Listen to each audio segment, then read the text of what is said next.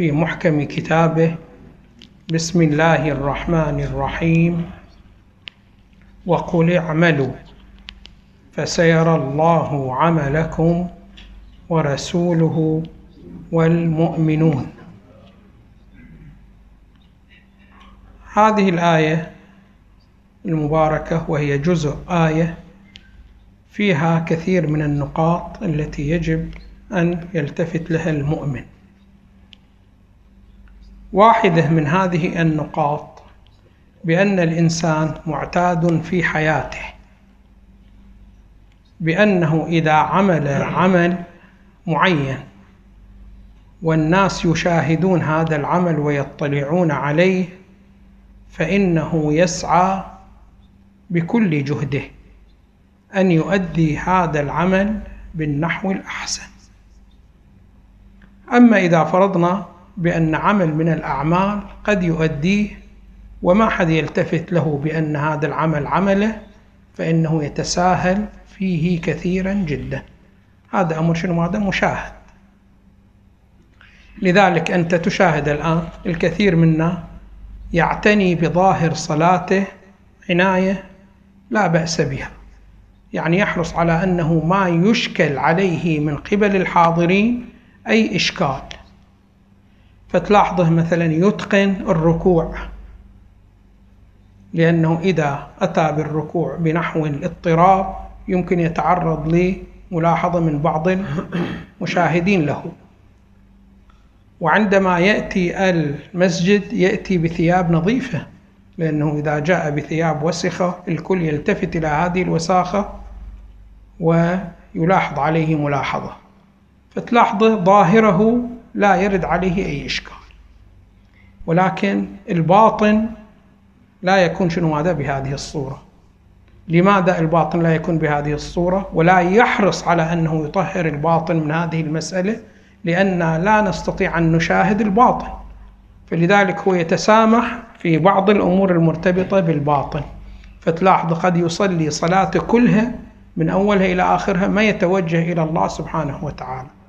فالوظيفة الظاهرية للصلاة وهي الاعتناء بطهارة اللباس بطهارة البدن يأتي بأجزاء الصلاة بصورة جيدة هي كلها محرزة منه. ولكنه قلبه مملوء بكثير من التخلفات من الناحية الشرعية ولا يحاول أن يعتني بهذا الجانب لأنه ما نطلع نحن على ما في قلبه وهو يصلي. فعادة الإنسان بهذه الصورة وبهذا النحو بأنه إذا جاء بعمل وهو في معرض أن يشاهد من الآخرين فإنه يحرص على أن يؤدي هذا العمل بصورة حسنة. أما إذا جاء بالعمل وهو في مأمن ما يمكن أن أحد يشاهده فإنه يتساهل في هذه الأمور. الله سبحانه وتعالى في هذه الآية المباركة يريد أن يلفت الإنسان. وقل اعملوا صالحا وقل اعملوا فسيرى الله عملكم ورسوله. والمؤمنون. خب هنا المراد من العمل. العمل نحن نعلم بأن له صورة ظاهرة وله صورة باطنة. فهنا عندما يرى الله سبحانه وتعالى هذا العمل ورسوله أيضا يرى هذا العمل والمؤمنون يرون هذا العمل. هل يرون ظاهر العمل أم باطن العمل؟ هنا صار كلام. الله سبحانه وتعالى معلوم الرسول أيضا معلوم ولكن من ما المراد من المؤمنين؟ هل المراد من المؤمنين أنا وأنت؟ يقولون لا ليس المراد من الأئمة أنا وأنت. وإنما المراد خصوص بعض الأئمة بعض الأشخاص المؤمنين وهم الذين يستطيعون أن يطلعوا على الباطن. فأن هذا العلم ليس المراد به علم الظاهر. وإلا لو كان المراد به علم الظاهر لشمل المنافقين. فإن المنافقين يأتون بالصلاة بحسب الظاهر هي أحسن من صلاتك وأحسن من صلاتي. فإنهم يحرصون على ظاهر الصلاة قبل الصلاة هو يكون في المسجد. وعندما يأتي يأتي بها بصورة جدا حسنة وعندما يتلفظ بالألفاظ يأتي بها جدا بصورة حسنة جدا جدا. ولكن قلبه أسود قلبه قلب مشرك قلبه ينكر النبي صلى الله عليه وآله. فإذا قطعا المراد هنا بالعلم ليس المراد العلم الظاهري وإنما المراد العلم الباطني. فالله سبحانه وتعالى هو الذي يطلع على باطن العمل وهكذا الرسول وهكذا المؤمنون الذين ذكرتهم الآية المباركة.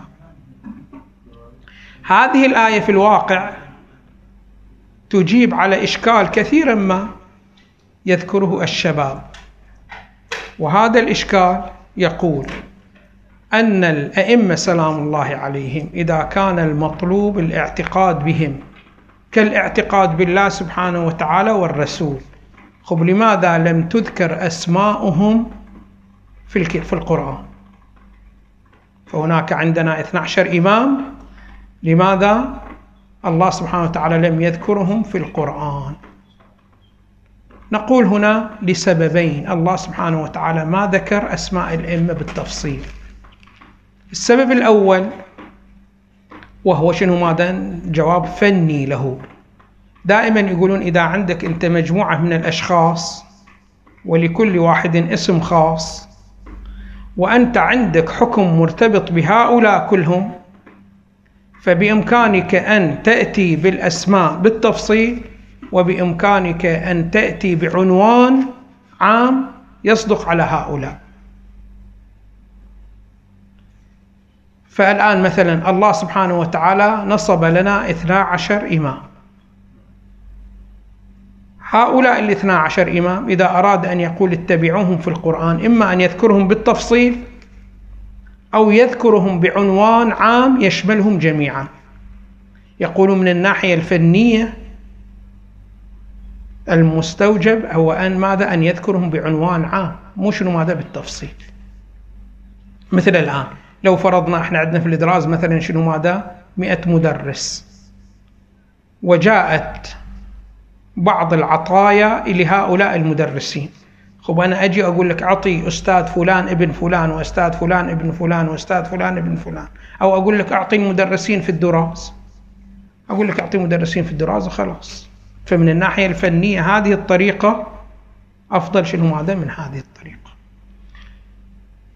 الأمر الآخر بأن الله سبحانه وتعالى عندما أنزل القرآن التزم وأوجب على نفسه أن يبقي القرآن محفوظا في الأرض. وإذا أراد الله سبحانه وتعالى أن يحفظ القرآن عن التحريف في الأرض كيف يحفظه؟ هل ينزل إليه ملائكة تكون حرس؟ يحرسون هكذا شيء؟ مو أمر عملي. أولا شنو ماذا؟ الملائكة لا ينزلون إلى النشأة المادية ولا يمكن أن يكون شنو ماذا بهذه الصورة وبهذا النحو. فالله سبحانه وتعالى حمى القرآن من التحريف بنفس القرآن. وهو من أي ناحية؟ من ناحية الأسلوب الذي الله سبحانه وتعالى أنزل القرآن فيه. فنفس الأسلوب هو الذي يحرس القرآن من محاولة البعض للتحريف. فهنا مثلا انظر الآن الله سبحانه وتعالى لو نزل الأسماء بالتفصيل ذكر علي بن أبي طالب ثم ابنه الحسن ثم أخيه الحسين ثم كذا وكذا وكذا. ما في مشكلة أن يأتي الواحد شنو ماذا؟ ويحذف هذه الآيات كلها. المرتبطة شنو ماذا؟ في المشكلة؟ ما في مشكلة. إمكانيات موجودة عند الظلمة ما شاء الله. يحرق كل نسخ القرآن ويطبع نسخة يحذف فيها شنو ماذا هذه الأسماء. فهذه شنو ماذا؟ ما في أي مشكلة. ولكن الله سبحانه وتعالى ذكر المؤمنين.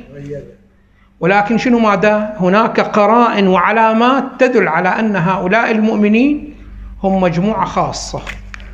بدليل ماذا؟ أن هؤلاء المؤمنون يطلعون على باطن النفوس. مراد هكذا. هذه من الذي يفهم بأنه المراد من المؤمنين خصوص مجموعة معينة أهل العقل وأهل التدبر. فلذلك في الروايات موجود أن الله سبحانه وتعالى خاطب بالقرآن أهل العقل. فإن أهل العقل يتدبرون إذا تدبروا يعرفون بأن المراد من هذه المؤمنين المذكورة مجموعة خاصة. مو المراد مطلق المؤمنين. وإلا لو كان المراد مطلق المؤمنين خب كيف أنت تشهد على هذا الشخص بأنه منافق وأن هذا الشخص مؤمن. أنت ما تستطيع أن تشهد إلا على الظاهر فقط. أما على الباطن لا. أنت ما تستطيع شنو ماذا؟ أن تشهد. فإذا هذا شنو ماذا؟ الآية أيضا تجيب على الاستفسار الذين جاء دائما. شنو ماذا؟ الذي جاء دائما يسألوه بأنه هل ذكر الأئمة في القرآن؟ أقول لك نعم ذكر الأئمة في القرآن. ولكن ما ذكروا بصورة يمكن أن يعيها من في قلبه مرض وإنما يعيها خصوصا هذا؟ المؤمن العاقل الذي ليس فيه عصبية وليس فيه تقليد أعمى ولا شيء يعرف بأنه المراد من المؤمنين مجموعة خاصة. هذه مسألة من المسائل أيضا التي تكون في هذه الآية المباركة. المسألة الأخرى بأن الله سبحانه وتعالى يريد ينبهنا إلى شيء مهم جدا جدا. وهو أن نعتني بروح العمل. فأنت انظر الآن. شوف الآن. كم مرة أنت تصلي في طول عمرك الذي أنت مكلف به؟ اضرب عندك شنو ماذا يومية؟ خمس صلوات. إذا تضربها في ثلاثين يطلع عندك شنو ماذا؟ مئة وخمسين صلاة في شنو ماذا؟ في الشهر. في الشهر. 150 اضربها شنو ماذا في السنة؟ في 12 ما شاء الله ثم اضربها في 50 سنة. يعني معدل السن التكليفي. فنأتي ما يقارب من تسعين ألف صلاة في هذه السنوات. خب هذه الله سبحانه وتعالى هل ينظر لها يوم القيامة كلها أو لا؟ يقول الله سبحانه وتعالى ما ينظر إلا للصلاة الذي توجهت فيها بقلبك. يعني الوظيفة الباطنية أحرزتها. لماذا؟ لأن العمل العمل قد يأتي عمل وهو ميت والعمل الميت لا قيمة له. وقد يأتي عمل وهو حي. الآن إذا عندكم شنو؟ هذا امرأة حامل. ثم جاءت به سقط وش لها من هذا الحمل غير التعب؟ ما لها أي شيء. أي فائدة ما موجودة. ولكن إذا خرج الجنين وهو حي هذه كل شنو ماذا؟ كل الفائدة. نفس الشيء شنو ماذا؟ هذه الصلاة. الصلاة هذه نوقعها ميتة ونوقعها حية. خب متى نوقعها ميتة؟ إذا افتقدت إلى النية الصالحة. فإن قيمة العمل بنيته. واقترانه بالنية الصالحة هذه التي تجعله حي. فيكون شنو ماذا؟ باقي ويستفيد منه الإنسان في مستقبل حياته. وأما إذا فرضنا بأن النية لم تكن صالحة فإن الكثير منا الآن شوفوا الأعمال التي يمارسها الإنسان في حياته يقولون على أنحاء. فإن بعض الأعمال يعملها الإنسان لأنه يشتهيها مو لأن الله سبحانه وتعالى هو يطلبها ويريد شنو ماذا؟ أن يتقرب لله سبحانه وتعالى بهذه الصلاة. لا أساسا هذا ما يجي على باله. وإنما لأنه يشتهي هذه الحركات. يقولون في أحد غزوات النبي صلى الله عليه وآله شخص من الأشخاص جرح وقصده المؤمنون الذين كانوا يقاتلون معه فشلاقه يحتضر يعني يريد يموت بعد يستشهد. فقالوا له هنيئا لك الشهادة. فقال يا شهادة أنا إنما شاركت في هذه الحرب لأجل أحصل على فرس ابن عمي ابن عمي قاتل ويا أولئك مع المشركين وعنده خوش فرس. أنا أريد شنو هذا؟ هذا الفرس. فشنو شهادة؟ شنو؟ فاتني الفرس. فانظر شنو ماذا بهذه الصورة. فالبعض يأذي العمل هذا شنو ماذا؟ ليس بنية التوجه لله سبحانه وتعالى والتقرب إلى الله سبحانه وتعالى بهذا العمل. وبعض الأشخاص يأتي بالعمل لأجل استجابة لطلب نفسي في نفسه. مثلا شنو ماذا؟ بعض الأشخاص عندما كان في طفولته كان يكبت في بعد معين من الأبعاد الآن شنو ماذا؟ ردة فعل هذا الكبت تحصل شنو ماذا؟ تحصل في المستقبل في حياته. فتلاحظون مثلا بعض الأشخاص يتصدون لإدارة بعض الأعمال. مو إيمانا بأن هذا العمل ضروري للمجتمع الإسلامي وأنا شنو ماذا أريد؟ أعمل في هذا الجانب وأخدم المسلمين في هذا الجانب. لا.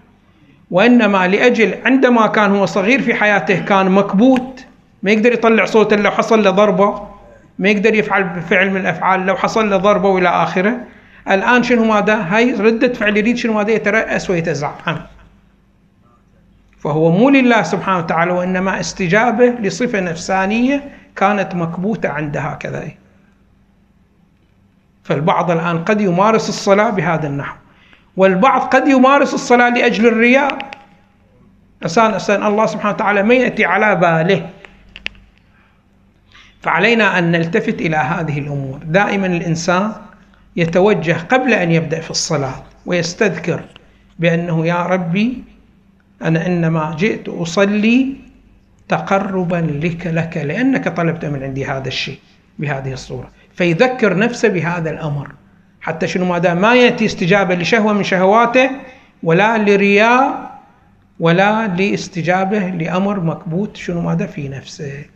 فلا نعتني فقط بالجانب الظاهري لأن الجانب الظاهري صحيح مطلوب ولكن أنت تريد الجانب الظاهري توقعه بنحو يكون حي ولن يكون حي إلا بإصلاح النية.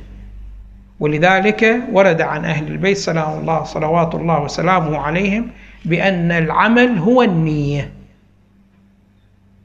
العمل هو النية. يريد يبين بأنه شنو ماذا؟ حقيقة العمل وقيمة العمل إنما هي شنو ماذا؟ بالنية. فالإنسان إذا لم يلتفت إلى النية ويوقعه ضمن النية المرادة هذا العمل لا روح فيه ثم لا فائدة فيه. والحمد لله رب العالمين وصلى الله على محمد وآله الطيبين الطاهرين. الله